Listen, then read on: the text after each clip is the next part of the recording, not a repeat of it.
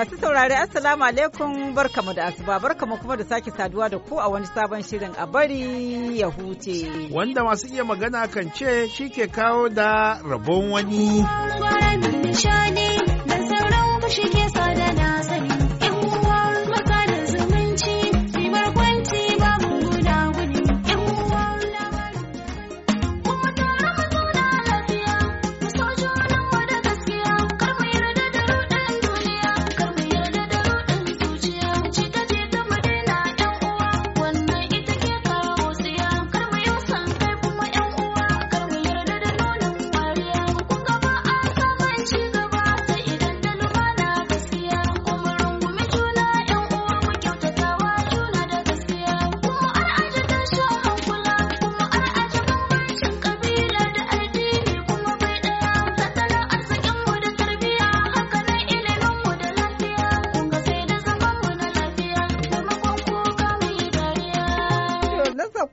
barka da zuwa. Na Sokoto nan batu. Eh to malama Na Grace.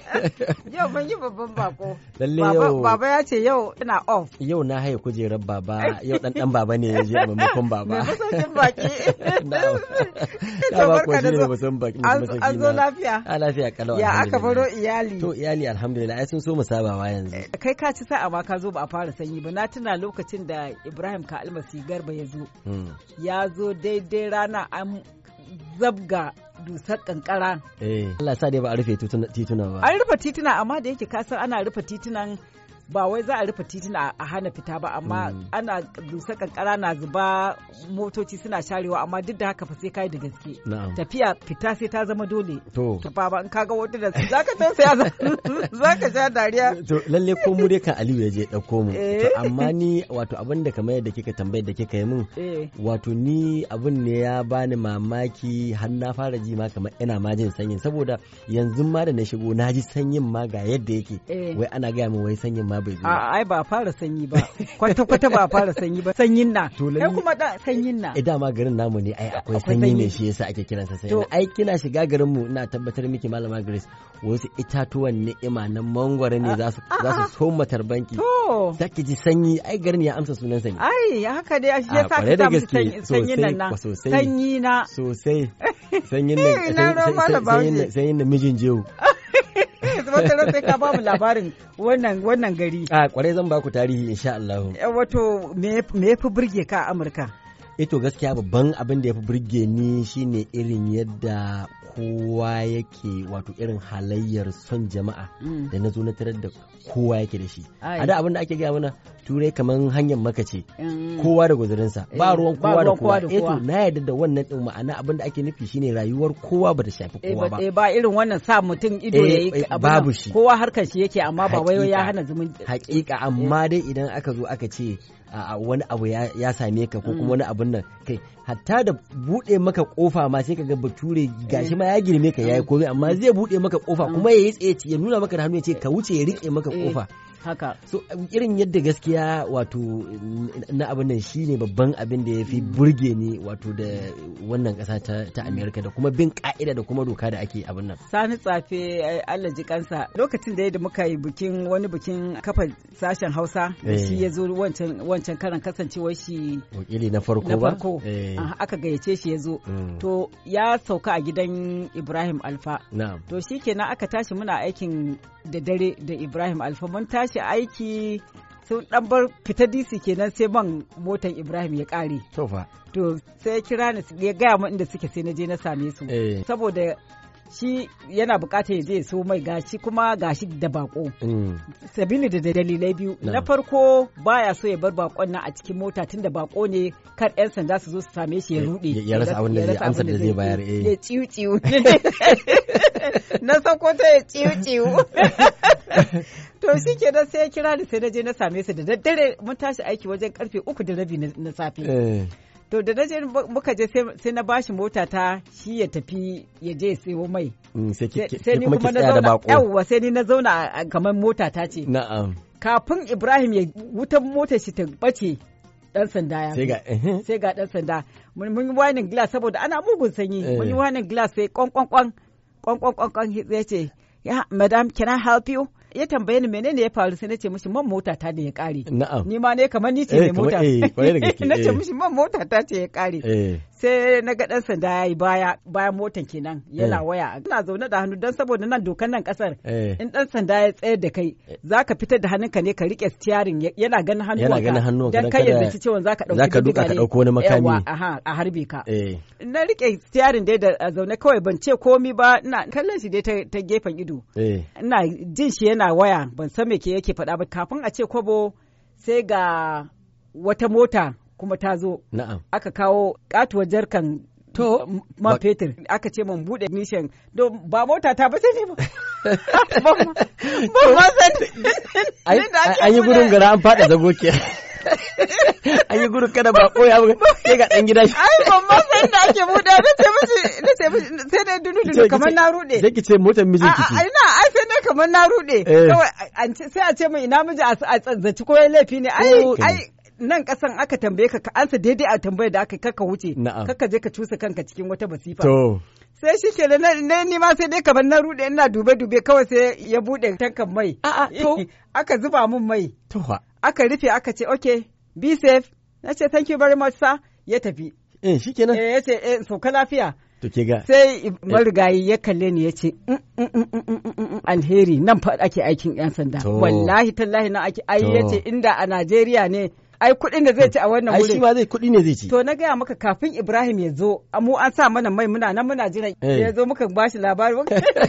To ka- kana magana cewa yadda mutane ke taimakawa mutane. Gaskiya. In dan sanda ne kai yana kayi laifi yana baka tiket yana yassa Kwarai kuna kuwa, hira yana sallah yana abin nan yassa kuma in ka shiga matsala Eh. kuma ba wai a'a taimako za a yi a farko. hidda ka cikin matsalar na farko ko da kayi laifi kuwa Na'am, so ɗan sanda ba wai neman mai laifi yake Eh. kamar wasu ƙasashe Eh. na musamman ƙasashen mu na. Afirka ba, a'a ƙoƙari yake ya ga cewa ya ceto ka daga aikata laifi da Eh. kuma wasu duk wani irin hatsari da zaka haka shiga. in ma kayi laifin ma in ka sa- kana cikin matsala na farko abin da zai shine ya ceci ranka Eh, ya eh, taimaka maka ƙwarai da ba in kuma laifi ko da laifi sai sai ka asa kuskuren kan kai Gaskiya, laifi gaskiya kan. yawa to kamar yadda muka to muna ƙara maka barka da zuwa To ina godiya ƙwarai da gaske. Eh, da, da, da, fata, da kuma fatan Allah ya ba mu hikima ya kuma ba mu nasara a wannan aiki da Na'am, ke to amin, da ke amin. Malama Allah. Allah, ya sa a dace. To amin sun ba amin. Lafiya uban girma kai nake Lafiya uban girma kai nake wadege. Lafiya uban girma kai nake wadege. Ya rabbana ilahi ya gare ka zanta roko. Kake biyan bukatu in har na zo da koko. Ya rabbi kara kara man dan i'i da sako. Bibiya wa mai nisa har ta riski bako. To ba tare da wata wata ba da farko za mu miƙa gaisuwar ta'aziya zuwa ga iyalan Mrs. Elmina Maina wadda ta rasu wato ita mataimakiyar shugabar ƙungiyoyin matan CNNC ita mataimakiyar shugaban matan ƙungiyar CNNC ta jihar Bauchi kenan wadda ta rasu sakamakon hadarin mota da ta gamu da shi akan hanyar Kebbi zuwa Bauchi ranar talatan nan da ta gabata. Allah sarki. Eh, to Allah ya ji kanta Allah kuma ya bawa dangi duka jimirin rashi mu kuma ya kyautata namu ƙarshen. To amin malama Grace kamin mu wuce mu ma ya kamata mu yi ta'aziyya ga dan uwa wani gogaggen dan jarida kuma fitacce sananne Eh. wato wakilin sashen Hausa na gidan rediyon ƙasar ka- Faransa Aminu. Manu Eh. wanda shi ma Allah ya ma rasuwa kuma muna muna gaisuwa ta'aziyya ga iyalai da yan uwa yan jarida da ma sha'anin watsa labarai baki ɗaya Eh. na Najeriya da ma na kasa da kasa akan wannan babban rashi da muka yi. Haka yake Aminu marigayi Aminu mun yi aiki tare da shi ba wai mun yi aiki a wuri ɗaya ba sai dai akwai wani abu da duk wanda ya san Aminu duk inda yake yana kyakkyawan zumunci da kuma dangantaka da abokan aiki 'yan jarida. Lokacin na PRTV shi kuma yana aiki a Jos. Mm. kusan sai ka ce a PRTV yake aiki shi haka yake. In ka je a ofishin BOA a Abuja sai ka zaci cewa ma'aikacin BOA ne. Haka to ni kuma kin san inda muka dan sami haɗuwa da shi Eh. a duk da yake abokane abokan aiki da rahotanni kusan a iyali ɗaya muke. Eh, amma bayan wannan ke san babban dan gwagwarmaya ne da ke sharhi a wani sanannen shiri da ake kira idon mikiya da gidan radio vision fm yake eh, gabatarwa. wanda kuma ke san a lokacin da ina najeriya na ɗaya daga cikin ma'aikatan gidan. To wannan ne yasa a koda wani lokaci muna da hulɗar da za a ce ne akwai kusanci tsakanin mu. ni kaina na san irin yadda yake da kuma irin yadda yake ɗauko ko in yaga kana cikin wani abu ya- kira ka ya baka shawara ya kuma yi maka magana a hankali cikin nutsuwa da fasaha ta yadda duk yadda za a yi zaka fahimta kuma zaka ji shawarar shi tana da Mm, amfani. haka saduwa mu ta ƙarshe da ita da shi eh, marigayi ita ce lokacin da na je ɗaukar rahotannin zaɓen babban zaɓe da aka yi shugaban ƙasa eh na- kwanan baya. na'am Eh, to muna ƙara jimamin wannan rashi Mm. ah, da kuma fata iyali da ya bari baya Allah Allah ya ishe su kuma shi musu wato uh, kariya da kuma biya musu Dukkan bukatocinsu. Amin, Na'am, shi kuma amin, Allah ya amin. gafarta mishi yasa ya huta amin amin na'am To sai gaishe gaishe nan da muka samu daga wurin masu saurare akwai wannan gaisuwa da ta fito daga hannun Dauda Garba bin Afan Fataskum. Ga saurayi mai kyakkyawan saurayi. bin affan Ai hoto ya aiko mana ka ga hoton shi. to wai ko ya ko sha ruwan ko bari bari. Ko dai ya sha ruwan ne shi yasa ya Ko- turo hoto. kowa na ko- turo rubutu shi sai turo hoto. komi kishin ku Sokotawa suka gani ai za su yaba. a'a ko ne? Sakkwato fa kin san ina ina yi miki ina bari in juye miki sakkwata sakkwatawa fa da ke gani. Eh. To ba ba ƙananan mutane na ba amma dai ga wannan kyakkyawa ne ko ta aka kai wannan hoto sa yaba. eh to yanzu dai yanzu dai ke yaba tunda kin yaba mai to shikenan. To mun gode da wannan hoto. Ni na ji daɗin da ya aiko mana hotonin da ma kowa na aiko da hoto. Ga takarda muna karantawa kuma to lalle kan ga hular shi nan ah, da manga ce ko zanna bukar ce ya dai shiga ba irin ta. China ba. Ba China ainihin ɗinkin hannu. Made in Nigeria kenan. A Borno ma. To ya aiko da saƙon gaisuwa ya ce da ina gaida baba katikis wanda St. John's Darazo tare da matarsa Madam Rahila Maman Malkizedek Allah ya sa na faɗa daidai amin da kuma takata Augustin Garba da ke a garin Jambiri ko Jambiri ne ko Jambiri ne dai gashi nan Mm. da Malam Thomas da Haruna La- Lazarus da Elbash mai caji da Alhaji Sa'idu Medicine Gamji garin Garabi Mm. da Shehu Adamu Rijau da Garba Sani Bataba unguwar Jaji da Lawan bin Hambalik MK da Isa Lawan Girgir magajin garin Girgir. To Allah ya sa dai na faɗi waɗannan sunayen garuruwa dai. Eh, ya kamata tunda dai sarakunan ku ne eh, ku san kai kai kai da ka ka riƙa gyaggyara min eh to gaskiya kan lalle na ji akwai gyara don ka gyaggyara min waɗannan sunayen ni- ban san ban san da ake kiransu ba. Gaskiya kan lalle kan to.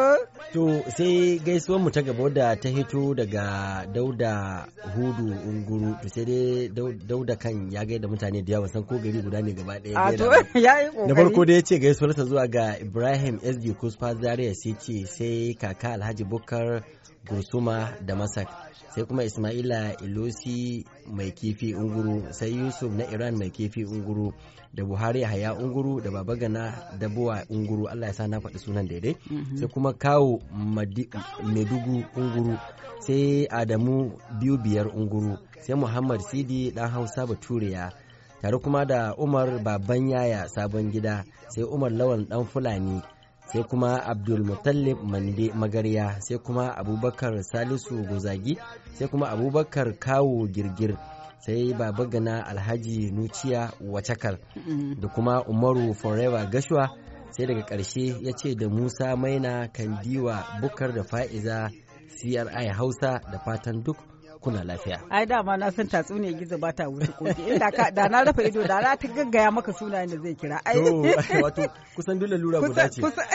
wato abin gara bature kace copy and paste kina shi na kai kai kisan da akwai- masu dabaru da yawa. To ya shi ne nace ai shi yasa muka gaya masa kwanan baya muka ce in ba su sake suna waɗanda suke gaidawa ba Eh. za mu ringa tsallakewa domin mutane yau da gobe yau da gobe in ka ji sunan wannan to ka san wanda zai gaida ka. Shi ne. Eh, bahaushe ya ce waƙa guda ba ta kai sahi ai shi ne na'am To sai kuma wannan wasiƙa da ta fito daga hannun Sani Yalwa ya ce ina yi wa filin abar ya huce fata alheri. Ina kuma mika saƙon gaisuwa ta zuwa ga ɗaukacin al'ummar garin Yawuri da garin birnin Kebbi da garin Tambuwal da garin Kangaram Murai to ban san wannan gari ba ni a kai ai dole in baka sani ba to wa amma zai dai sani sauran duk garuruwan mu ne to amma Na ina ga mure mure ba ba cikin jihohin nan ko Bauchi ko to kangaren murai Mm. da 'yan ƙungiyar muryar talaka na ƙasa da ma'aikatan VOA na da da na yanzu da kuma masu bibiyan shirye-shiryen VOA na gode. Sako daga mai lange-lange yalwa ya wuri. kai gaisu wannan ta burge ni fa Ai ko? a ya gaida ma'aikatan biyu da na da da na yanzu ke ko ya gaida manya-manyan mutane da Eh, yawa eh, ya kuma gaida ya ce ma da kuma masu bibiyar shirye-shiryen wato kai mai sauraro ma kai ma an gaishe ka. da ko ba a faɗi sunanka ba Eh, ka shiga ka ciki ka shiga ciki. Mm. To, mun gode ƙwarai da gaske. Mm, to malama grace kamin mu ci gaba bari mu taya ango da amarya murna wato ahmad mustapha alamide da aishatu muhammad alake kan murnar ɗaurin auren su da za a yi yau ɗin nan asabar da misalin ƙarfe goma da rabi na safe a ƙofar gidan malam abdulwahid aremu a sabon garin rijau a jihar neja To ka san mu ma a nan ba buki muke yi ba dai amma kusan sai ka ce buki ne dan inda a ce Niger ne Mm. da sai mu ce ƙungiyar zumunta tana sallah dan su taron mata a ce sallan mata a ce komi sallah ne a Niger. eh kware kuwa to ƙungiyar yan arewacin Najeriya mazauna Amurka da ake kira zumunta shekara shekara mukan yi tarurruka. To mu reshen gundumar Columbia na DC nan eh, a yau ɗin nan muna taron da zai hada da taron bita Mm, eh, tattaunawa akan abin da ya shafi farfado da kiman Najeriya a ƙasashen duniya. na'am. Eh, to yau muke muke wannan buki kana kuma da akan karasa shi da washewa da walima bukin walima. ai namu ai in ga muke grace namu tsuma mu bar nan wurin saboda ina so in ta babbar riga. Ai na A'a ji ba ku kuna magana. walima ina magana babbar riga tun tun shigowa na garin da ina so in saka babbar riga da na Ka ka rasa yadda ka kana neman buki. To ai sai yanzu ga dama ta zo. a ce a ce za mu ga sutura ka kanka ta baba ta baba menene wani biki ne aka yi sai aka ce wai kowa ya zuba fitira Eh to shi kenan kai baba da ka tashi ka kura a daka sai ka fi sarkin ma. ka kai ba- baba wani na ji ana cewa wai za a ɗauki hoto aka ce koma ba koma ba Ka fi sarkin ma fita da kyau. kafin sarki fita. Wannan waƙa da muke bugawa ta zumunta to kuma da kuke nan kurkusa in ma kuna iya sigowa daga najeriya jirgin tashi yau isowa yau muna ku. muna da ku.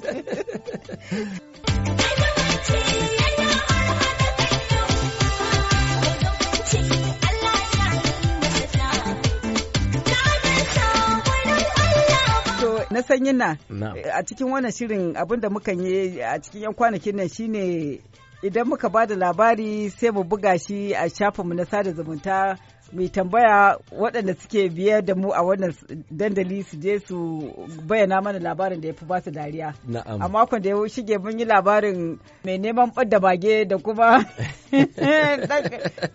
wakilin boge wakilin boge. yawwa to Eh. ga kaɗan daga cikin waɗanda suka ce ya ba su dariya aminu adamu malam malamadori Mm. ya ce ni labarin mai gida shine ya fi bani dariya Na'am. To, shi kuma Rilwano Ibrahim London Wuba ya ce gaskiya ni kam labarin mai gida da ya ɓace a jeji yana ƙoƙarin yada magen amaryarsa to ni shi ya fi bani dariya. eh to wato iri ɗaya da wancan Eh, ina ga wannan labarin shi ya sake ɗaukan hankali. Ita kuwa hafsat usman has hafsilo malam madori cewa ta yi labarin wakilin bogen nan shine ya fi bata lariya To, shi kuma ni Abdullahi Butte ya cewa yayi a gaskiya biyo ya Hausa dukkan labaran sun bani dariya. Iya dariya. Allah da ya ƙara basira. Wanda- ashe an sha dariya ai shi yasa aka ce shirin mai farin jini maganin hawan jini A ƙwarai da gaske, ƙwarai da gaske.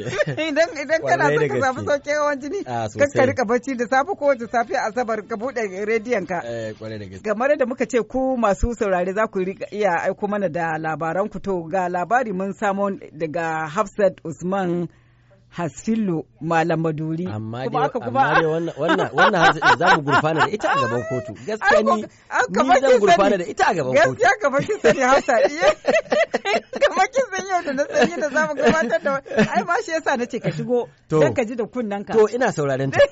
Lalle ina sauraren ta. To Hafsa ta ce wai labari take da shi na kurma da kuma na wani basakwace. Na'am. To Hafsa ta ce wai wai wani basakwace basak to ka gaba har na kasa faɗa. Wani basakwace Ehem. wani basakwace ne rigima ta haɗa su da wani kurma. Mm. kuma gashi kurman nan ya fi shi ƙarfi sosai to To. wato ba caca baki aka yi ba Mm. rigimar nan da ta kaure ta kaure sai aka shiga dambe aka shiga kokowa Mm. Kurman nan ya doki basakkwacin nan sosai ya mishi dukan kawo ka me ake cewa ya lallasa shi Anya, anya ba sakwacin ƙwarai ne kuwa.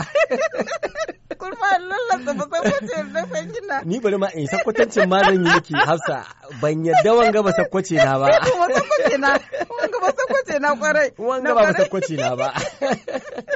To mu je mu tai mu ji ƙarshen labarin. da aka taso aka raba su Eh. sai kuma ya sake kwacewa Eh. ya zo zai sake gwabje ba ya gwabje masaukaci sai masaukwacin ya ce masu wai ku sake na ku sake na Wala ba gina ko gina da ke cikin labarin. Da ke cikin labarin nan. ku ya ce ku sake na yadda ya jiya idan yadda ya jiya haka na jiya idan yadda na jiya haka ya jiya ko kin sake ne baya zawo baya sake zawowa ya ji jiki wai yadda ya ji idan yadda na jiya haka ya jiya Mm. na ko kun sa kai ne baya sake dawowa Ah. wato shi ba ya ji To ai jiki shi ya nuna ma ba sakwace na ba don wanga ba sakwatanci na ta yi ba. Wanga kamar ni kamar bu kamar buzanci na ne ji ta yi. to na san da na ganka da buɗe labarai to ka ji labarin ba sakwace da To lalle lalle na jiya amma dai na ce gaskiya Hafsa ta yi kuskure. to kace wai zaka ba da labarin katsinawa wai kai maka rama A'a shi ba ka tsine shi eh shi ko ke gane. eh Shi aure yayi. eh To da ya aure sai to shina yana ta kullun yana bugun matarsa. To da yana bugun matarsa ba ba ka tsine nake so in ce ba barbare eh kai. babarbare Kullun yana dukan matarsa to ranar sai matar sai ta ce to kai lokaci ya fa da za ta dan abin nan dama ya yi kiwo kuma ta koshi. eh Ah sai in ga miki ranar yana zuwa zai da ke sai ta tare hannun shi sai ta same shi ko ta yi ta jibga. shi ke nan Ta yi ta kuwa yau jibga. labarin ta yi jibga ta jibga eh sai mutane suka zo sai aka raba aka shiga tsakani sai matar tana cewa don Allah ku miƙo min shi bai gama nuna ba sai ce sai- ya- sai suna ko ne ya haƙuri don Allah ku miƙo min shi." sai dan leko can ba mutane Eh. yake ce ke ke ake a miƙo ni ke ji ko ake a miƙo ni wai to shi da shi zaro ta gawa Ya ce kenan ba shi ke- yana boyewa ba shi ba wai ake a ba miƙo ni miƙo shi wai bai yi baki ba sai da aka samu aka karɓe shi hannunka da ƙyar ya sha lafka ya ce ke ake a miƙo ni to mun ga malama Juli tana ɗaga mana hannu sabili da aka tilas mu ja burki da yanzu a madadin Murtala Faruk Sanyin na. Sokoto a baba wanda kurba ya lallaka ba alheri yake muku fata alheri da kuma fata Allah babu lafiya da zaman lafiya da kuma abin da lafiya za ta ci. Kamar da muka bayyana za ku iya garzayawa shafinmu da sada zumunta domin bayyana ra'ayoyinku kan labarin da ya fi baku dariya a cikin waɗannan labarai da muka gabatar da alheri. zumunci. Ya ɗan uwana har zumunci friends.